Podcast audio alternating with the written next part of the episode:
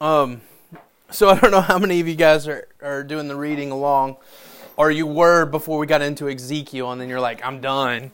Um, so Ezekiel, I found myself Lamentations and Ezekiel. I'm just like, holy smokes.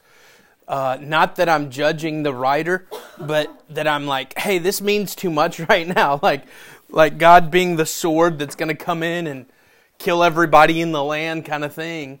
Um, and so I found myself like, Lord, what do you want me to share about uh, on Sunday morning? It's the holidays. Like, we're supposed to be talking about baby Jesus, not the one that comes on the planet and chops everybody, man, woman, child, into pieces. Like, what's going on? And um, I've been really dwelling in this concept. And I might say some things today that you'll go, hey, that's not really accurate. And I need you to do that for me today, okay? Because some of this is still being processed and, and fresh. Um, but the old covenant and new covenant concept. Um, we kind of look at two different gods. And so many times we've kind of said, don't look at two different gods, the Old Testament God and then the New Testament God. But I think God did transition somehow. Not that he changed, but how we interact with him obviously changed. And he knew that that change was going to take place. And I have an example for you. Um, it's like you're looking towards the wedding day, and you know the wedding is going to take place. The person you are now is going to be different post the wedding day. How many times, and I'm not being judgmental if you've worn a wedding dress multiple times, but you don't wear a dress multiple t- wedding dress multiple times, dudes. You never wear one. Um, but but we we dress that way just on that one day. Um, I feel like God looks at the new covenant in the concept of I had to transition my relationship. And I don't think he necessarily changed. He knew that that was going to take place the whole time. So we don't judge God just on the wedding day dress, right? We understand him in the full completeness of who he is. However, to read Ezekiel, I don't know if I interact with that one, right? Just being really transparent with you. I don't know if I, you want to turn the fan off. I think everybody's kind of getting a little chilly. Um, I can turn the fire on. we have plenty of wood now. uh, no lower back because of it, but um, no, I, I, I really this new covenant concept, and just like the Lord, the He reads truth, obviously, that I've shared with you guys, and some somebody doing the She reads truth, it's the same thing, the reading plan. Hebrews, what is Hebrews? Is written to the Jews as what we would now refer to as a messianic Jew, someone who's come to understand Messiah has come in the form of Jesus, is now writing back to his brothers and sisters who are not there yet. That's what Hebrews is. So if you if you've been reading the past few days um, in Hebrews, it's referring to these old covenant thoughts, these old covenant practices, and even uh, abolishing some of the traditions that man's made, but keeping established the ones or seeing it fulfilled in Christ. Okay, not to get too heady with you tonight, this morning, but there is a transition between old covenant and new. When we talk about covenant, covenant is an agreement with God. We would say commitment between man and woman, or between another man, another man, another woman, another. Mo- Jason, how many cars you sell in a day, kind of thing. Like you're making commitments with people, they're signing on the dotted line. It is not covenant, right? Covenant's only when God gets involved because God's never backed away from a contract. Makes sense? So when we talk about old covenant, the promise of God. New covenant, the promise of God. What's the old covenant? I will be your God, you'll be my people. What's the new covenant? Oh, we're going to talk about this morning. So, if you have your Bibles, turn to Hebrews chapter 10. I love this. Only one person on the planet could have ever written Hebrews. Um, so, uh, theologians get in their I always picture this small little office with way too many books and a pipe and you know whatever theologian looks like. He's got the weird hat thing. Um, but they get in these concepts of trying to figure out who. It's obvious that Paul wrote Hebrews. It's so obvious that Paul wrote Hebrews. Is your spouse disagreeing? Yeah, I think she is. She was being polite. Well, who do you? Yeah, yeah. I don't know who. I just think it. I don't know. It, most theologians would say it's Paul. There's just a lot of disagreement, a, a disagreement out there. But watch, only do what? What'd you say? I was, about to say disciple of Paul was last. Yeah, yeah. Someone. It was someone, a Paul or a disciple of Paul. But here's watch this. Here's what I would say. God would set it up to where the one who knew the old covenant backwards and forwards would be writing to his brothers about the new covenant. That would be Paul. It makes sense that it's Paul. We do know this. We do know that it was written about 70 AD. So, a good ways after. I say that wrong. It was it was really shared about then. It was written before then, but it was really shared. The church was using it as literature at that point. And I'll show you why in a minute. But in Hebrews chapter 10, verse 19. And so, dear brothers and sisters, we can boldly enter heaven's most holy place because of the blood of Jesus. By this, by his death, Jesus opened a new life, a new and life-giving way through the curtain into the most holy place. And since we have a great high priest who rules over God's house, let us go right into the presence of God with sincere hearts, fully trusting him, for our guilty consciousness have been sprinkled with Christ's blood to make us clean. Let our bodies and our bodies have been washed with pure water. For us, not knowing tradition, we don't see exactly what Paul's talking about here. But I'm going to break it down with you for you for a second. Well, my first point this morning is we have to have bold intimacy. Bold intimacy. Our our generation has really messed with that word intimacy or being intimate and we always think sexually. But it's because it's because a marriage bed is one of the most intimate locations ever. I have a friend of mine when we were first married. He's an idiot. Um, all my friends were idiots growing up. Maybe I was too. I, maybe that's the reason why I say I'm an idiot often.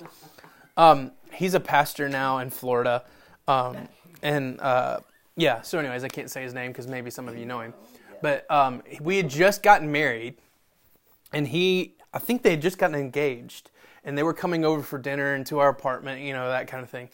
And um, I open the door, and he pushes me out of the way and runs into the apartment looking around. And then he runs to the bedroom and gets under the covers in, in our bed. And only he would only he would he and he gets up. He didn't do anything. He just got under the bed, and then he walks out and he goes, "I just defiled your marriage bed." like you're an idiot. Like slap him in the face. And he's a pastor now. I probably should share that with his church.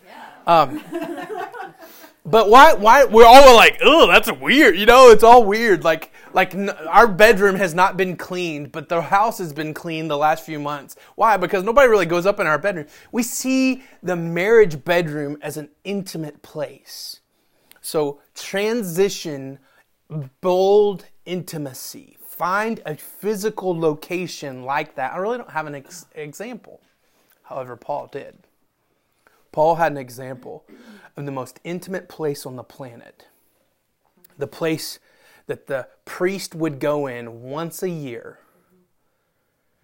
He would push back an 18 inch curtain, not height, thick. 18 inches from my elbow to the tip of my fingers, 18 inches. That's great measuring wood when I know that. 18 inches from 18 inches thick once a year. They would tie a rope around the priest and put bells on him. To where if the bells stopped, that meant he hadn't confessed all the sin in his heart. Thus, he's dead, and we've got to drag him out. Once a year at Passover. What would he do?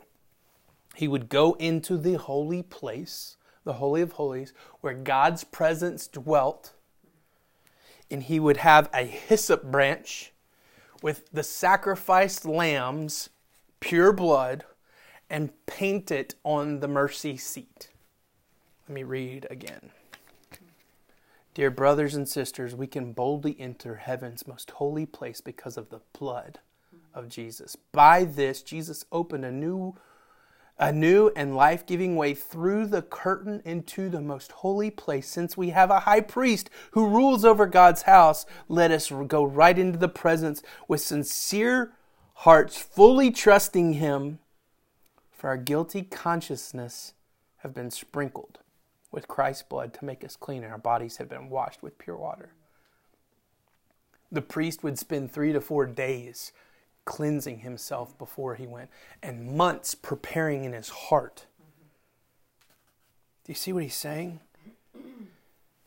Watch.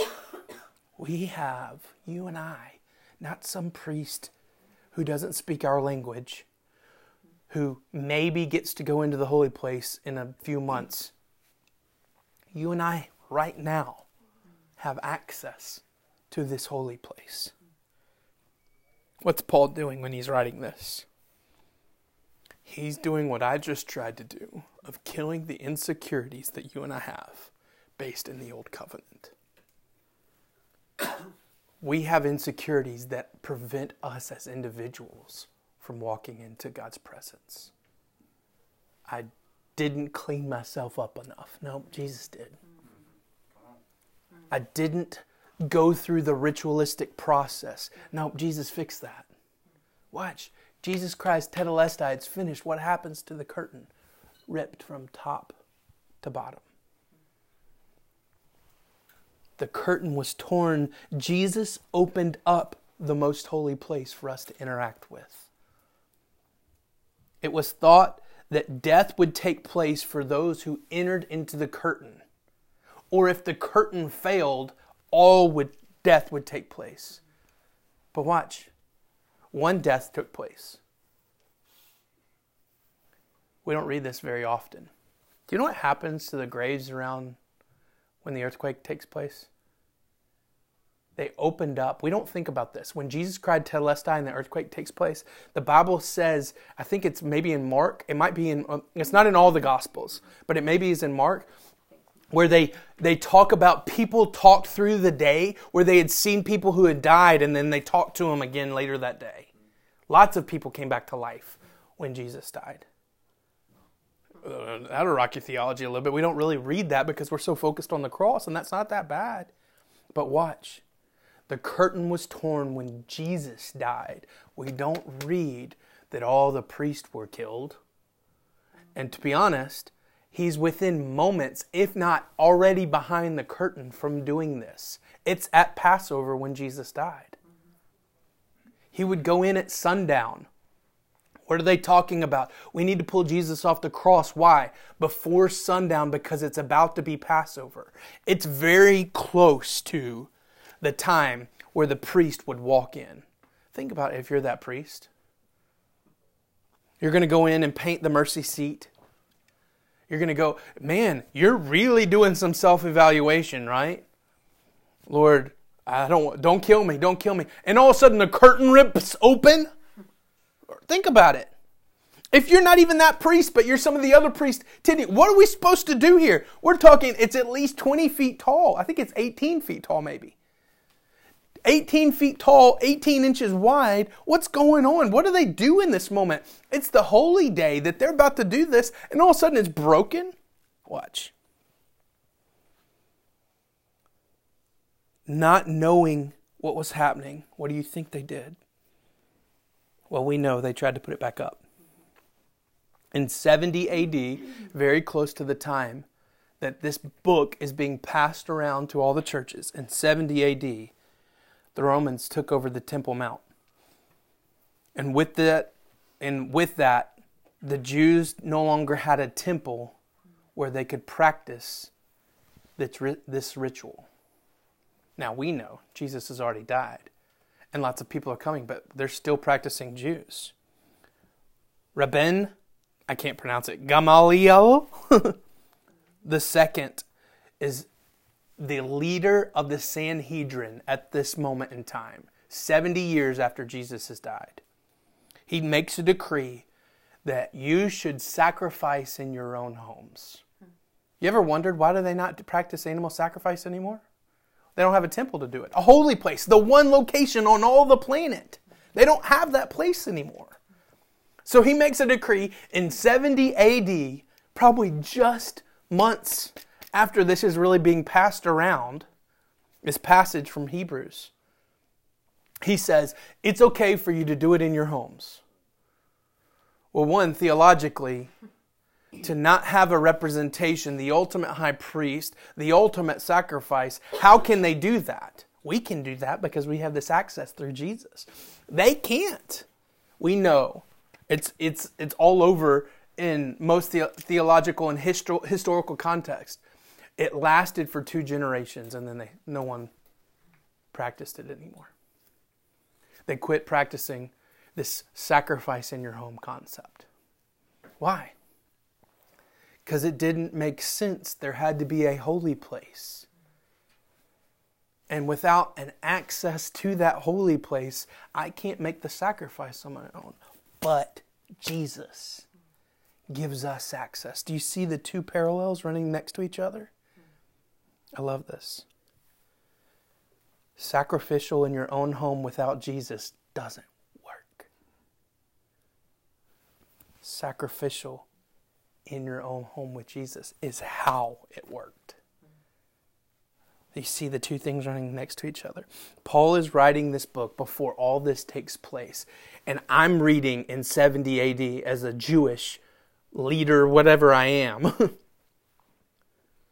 Jesus gave me access to the holy place and is ultimately my high priest once and for all. And then I'm hearing, hey, you can practice this in your own home. I see insecurity on both spectrums. Either I have to admit I'm not able to carry out my own sacrifice and have to have Jesus, or the linchpin of my religion and my th- thought process was just kind of painted away as, oh, you can do this in your own home. What did Jesus say? I'll destroy the temple and in three days raise it back up? And they're like ripping their clothes. Why would you destroy the temple? He wasn't talking about himself. He was talking about, I mean, he wasn't talking about the physical location. He was talking about himself. The new covenant establishes a temple like relationship with the Father in each individual.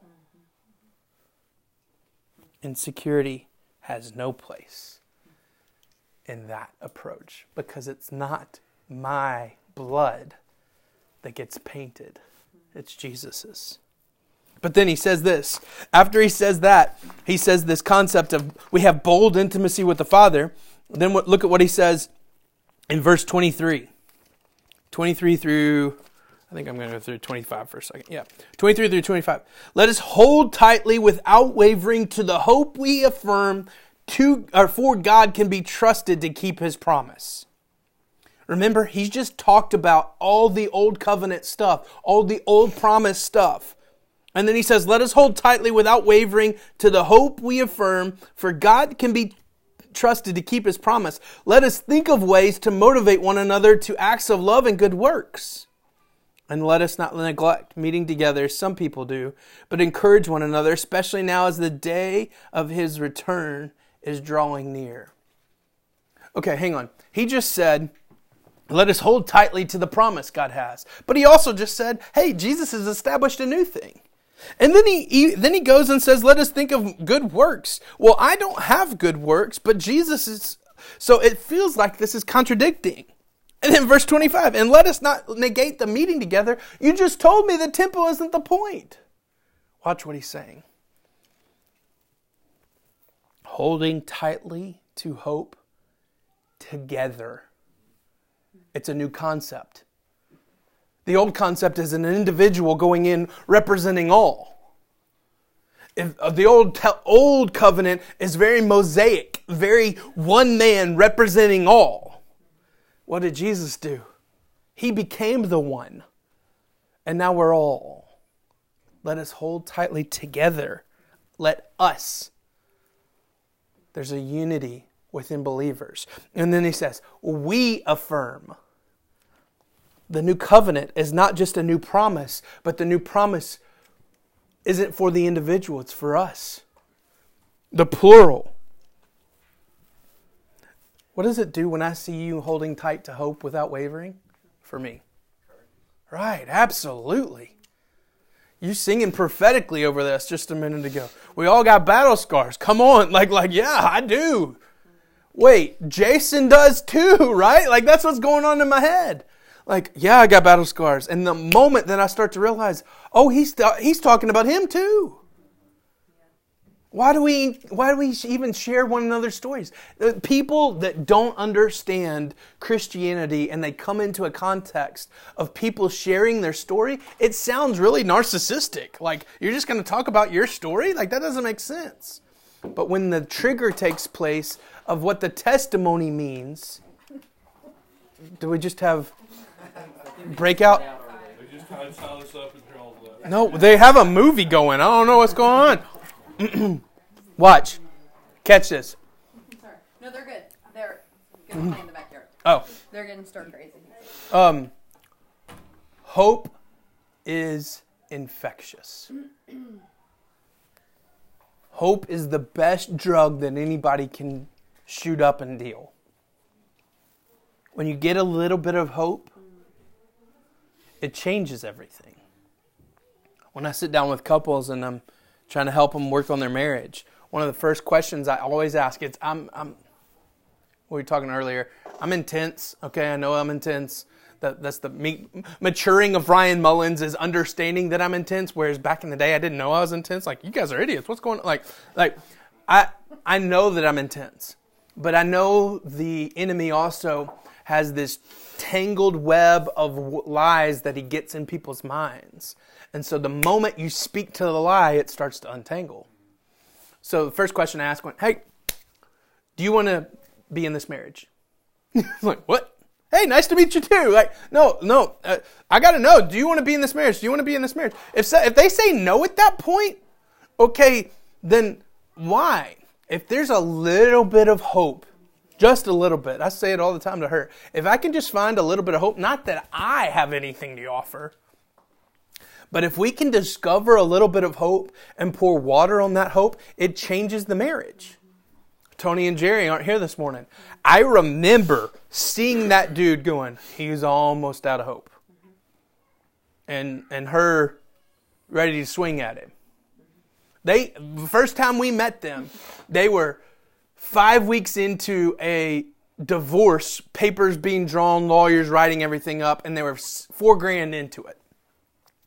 And thinking, mm not to happen like legitimately in my mind, hey, I don't know if this is to work. And watching God use that hope and it grow and it grow and it grow and it grow. And then all of a sudden, he starts to have more hope than she does. But watch, hope is infectious. We love being around people that are filled with hope. Hold tight to the hope that we have without wavering but it says, let us. While holding to hope, he says this let us think of ways. I love that. He doesn't say, while holding to hope, show love to one another and do good deeds. He says, let us contemplate of ways. Why? Because Anne's way is different from Andrew's way if I think of ways to motivate one another to love and good deeds, I can't go A plus B equals C with Ann and with Andrew.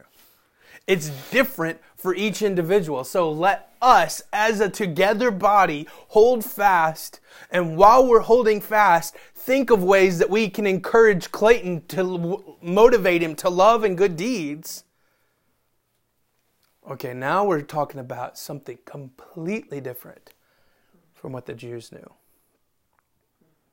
And it's not stereotype racism, okay? We know the Jewish people as one thing staunch, proper, and very individualized, very reserved. Right? And God's saying, no, let us hold fast to the hope we have within without wavering. And while we're holding fast, let's think of ways to motivate Jason to love and good deeds.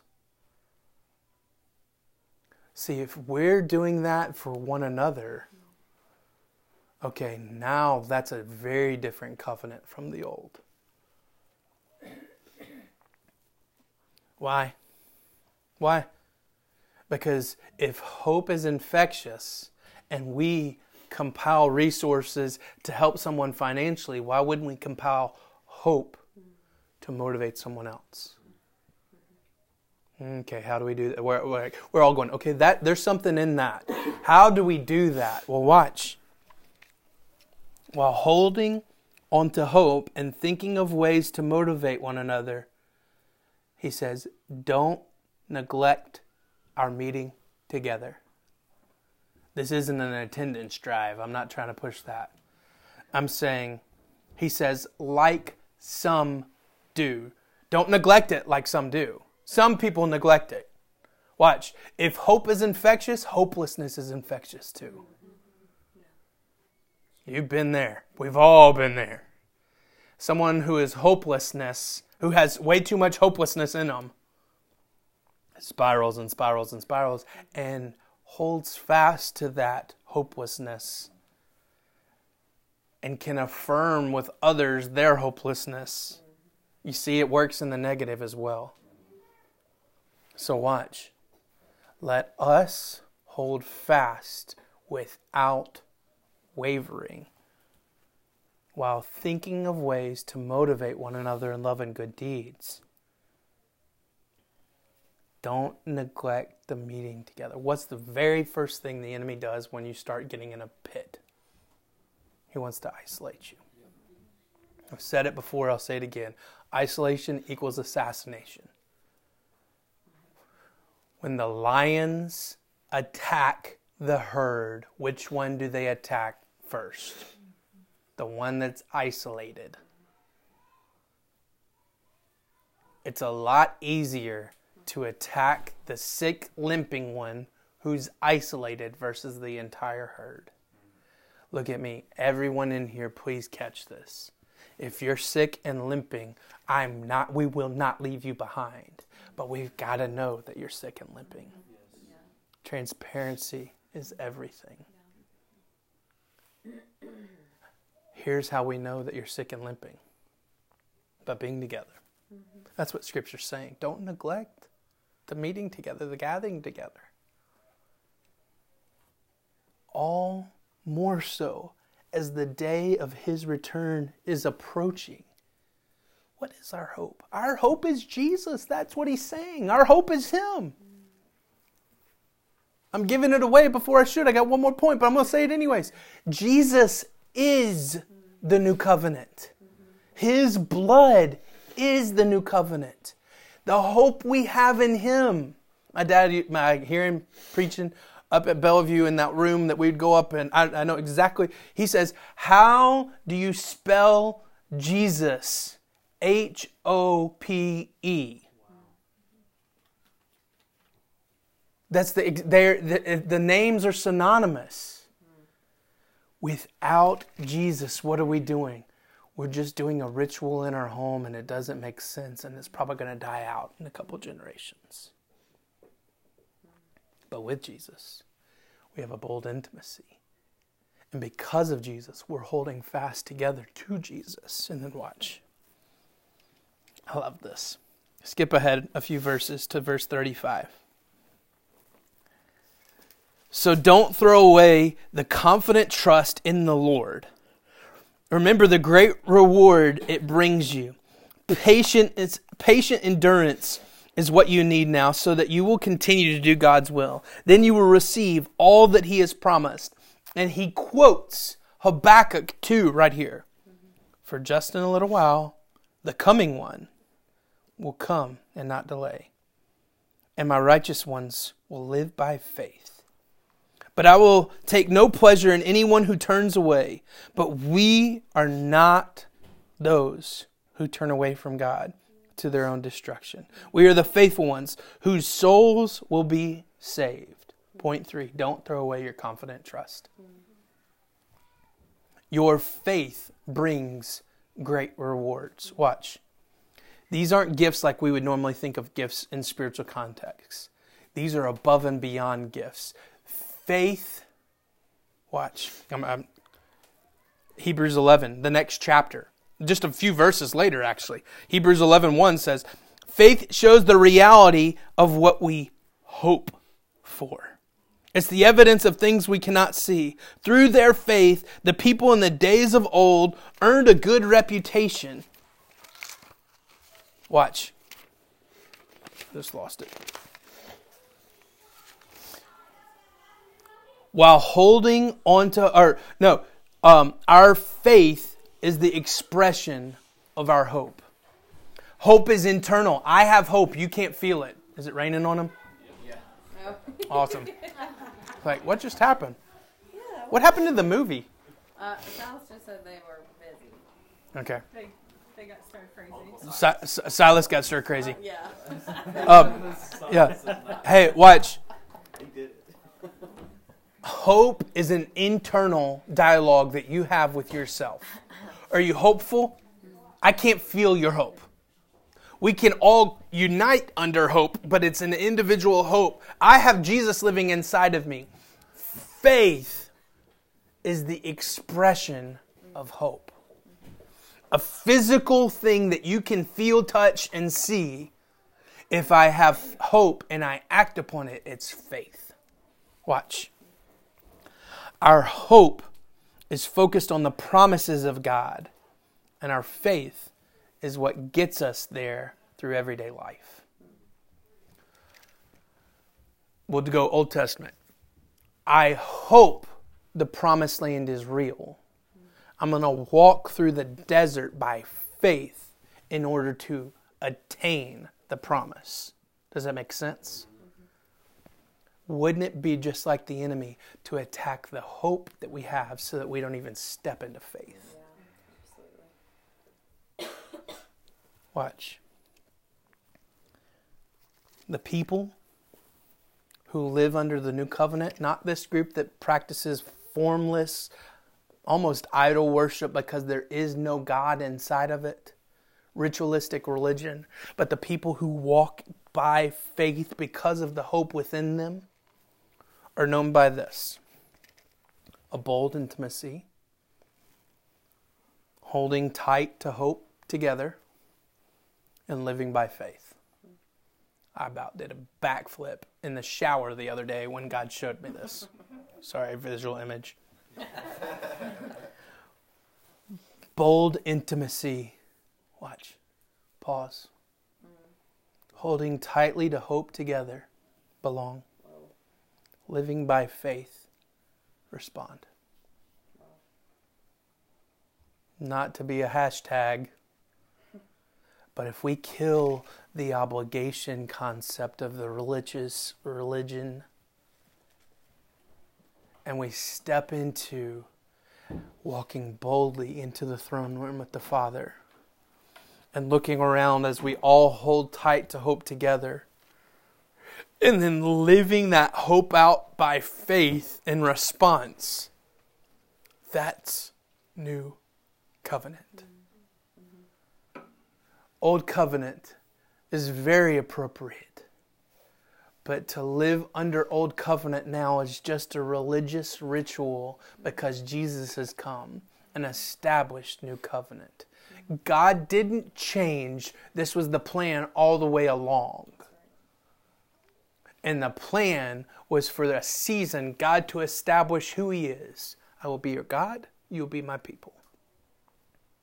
But then, inside of that, set the stage for Jesus. It's so funny. This morning, Anne's like, hey, I, have got to fill up all the uh, communion stuff. And I was like, oh, completely forgot we were doing that. Mm. And just like the Holy Spirit. Passover, they wouldn't use yeast because it represented sin. So they would have a wafer of some sort. It would be baked without yeast so it wouldn't rise. And in order for it to sustain and not burn, they would pierce it. Okay?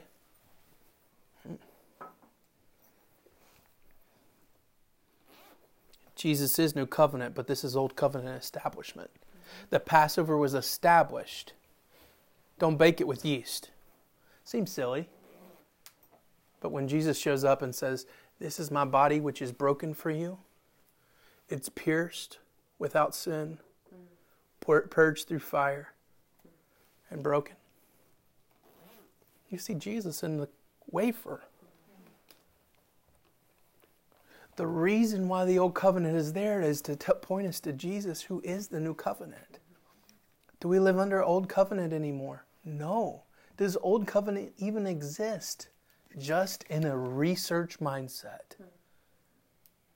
So when we talk about two different types of gods, he's still the same. We just had to be enlightened to what he was showing us. And he was showing us Jesus. Do you see it? So let's pass these out. We're going to take communion together. Clayton, you mind helping? Why don't you grab the juice? Yeah, you can do that. so I'm going to read this as Ann and Clayton are passing these out. And then I love this. Um, communion was made to take in this manner to look at one another in the eyes, to see one another across the room, and to understand this. Uh, thank you. The intensity of this moment. Do you know that Jesus was pierced? yeah, you know it, but do you feel it? You're supposed to feel it here. Do you know that his blood literally was poured out? Yeah, we know it, but do you feel it? Well, you're supposed to feel it here. Listen, in Corinthians, 1 Corinthians 11, or 1 verse 11. I'm sorry, 1. I can't talk this morning. 1 Corinthians 11, verse 27. I'm going to back up a couple verses first. Then, when he had given thanks, he broke it and said, This is my body, which is for you. He says, Do this in remembrance of me. Jesus set the example. But if you skip down a few verses in verse 27, Paul warns. And we're supposed to look at one another in the face when we take communion for this reason. Whoever therefore eats the bread and drinks of the cup of the Lord in an unworthy manner, be guilty concerning the body and the blood of the Lord. Let a person examine himself then, and so eat the bread and drink the cup, drink of the cup. For anyone who eats and drinks without discerning the body eats and drinks judgment upon himself. Changes the ritual into the interaction with the Father. So, in a holy moment, rub your finger on that cracker. Feel how it was pressed, how it was crushed, how it was pierced. And ask the Lord to search in your heart anything that's in the way. Not in a religious ritual mindset that the priest had to do before they went in and painted the mercy seat, but in a thankfulness mindset that Jesus did pay the penalty. And we don't want anything in the way. So take a moment before we take the elements.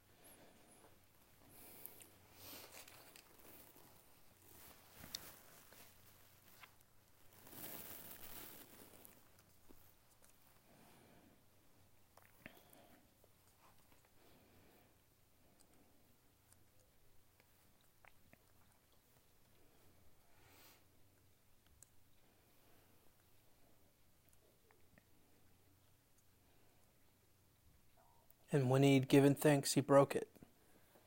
He said, This is my body, which is for you. Do this in remembrance of me. Take and eat the bread.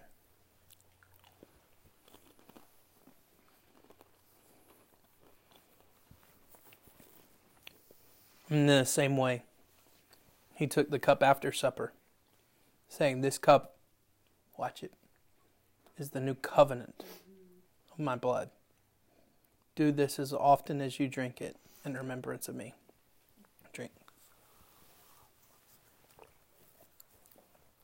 For as often as you eat this bread and drink this cup, drink of this cup, you proclaim the Lord's death until he comes.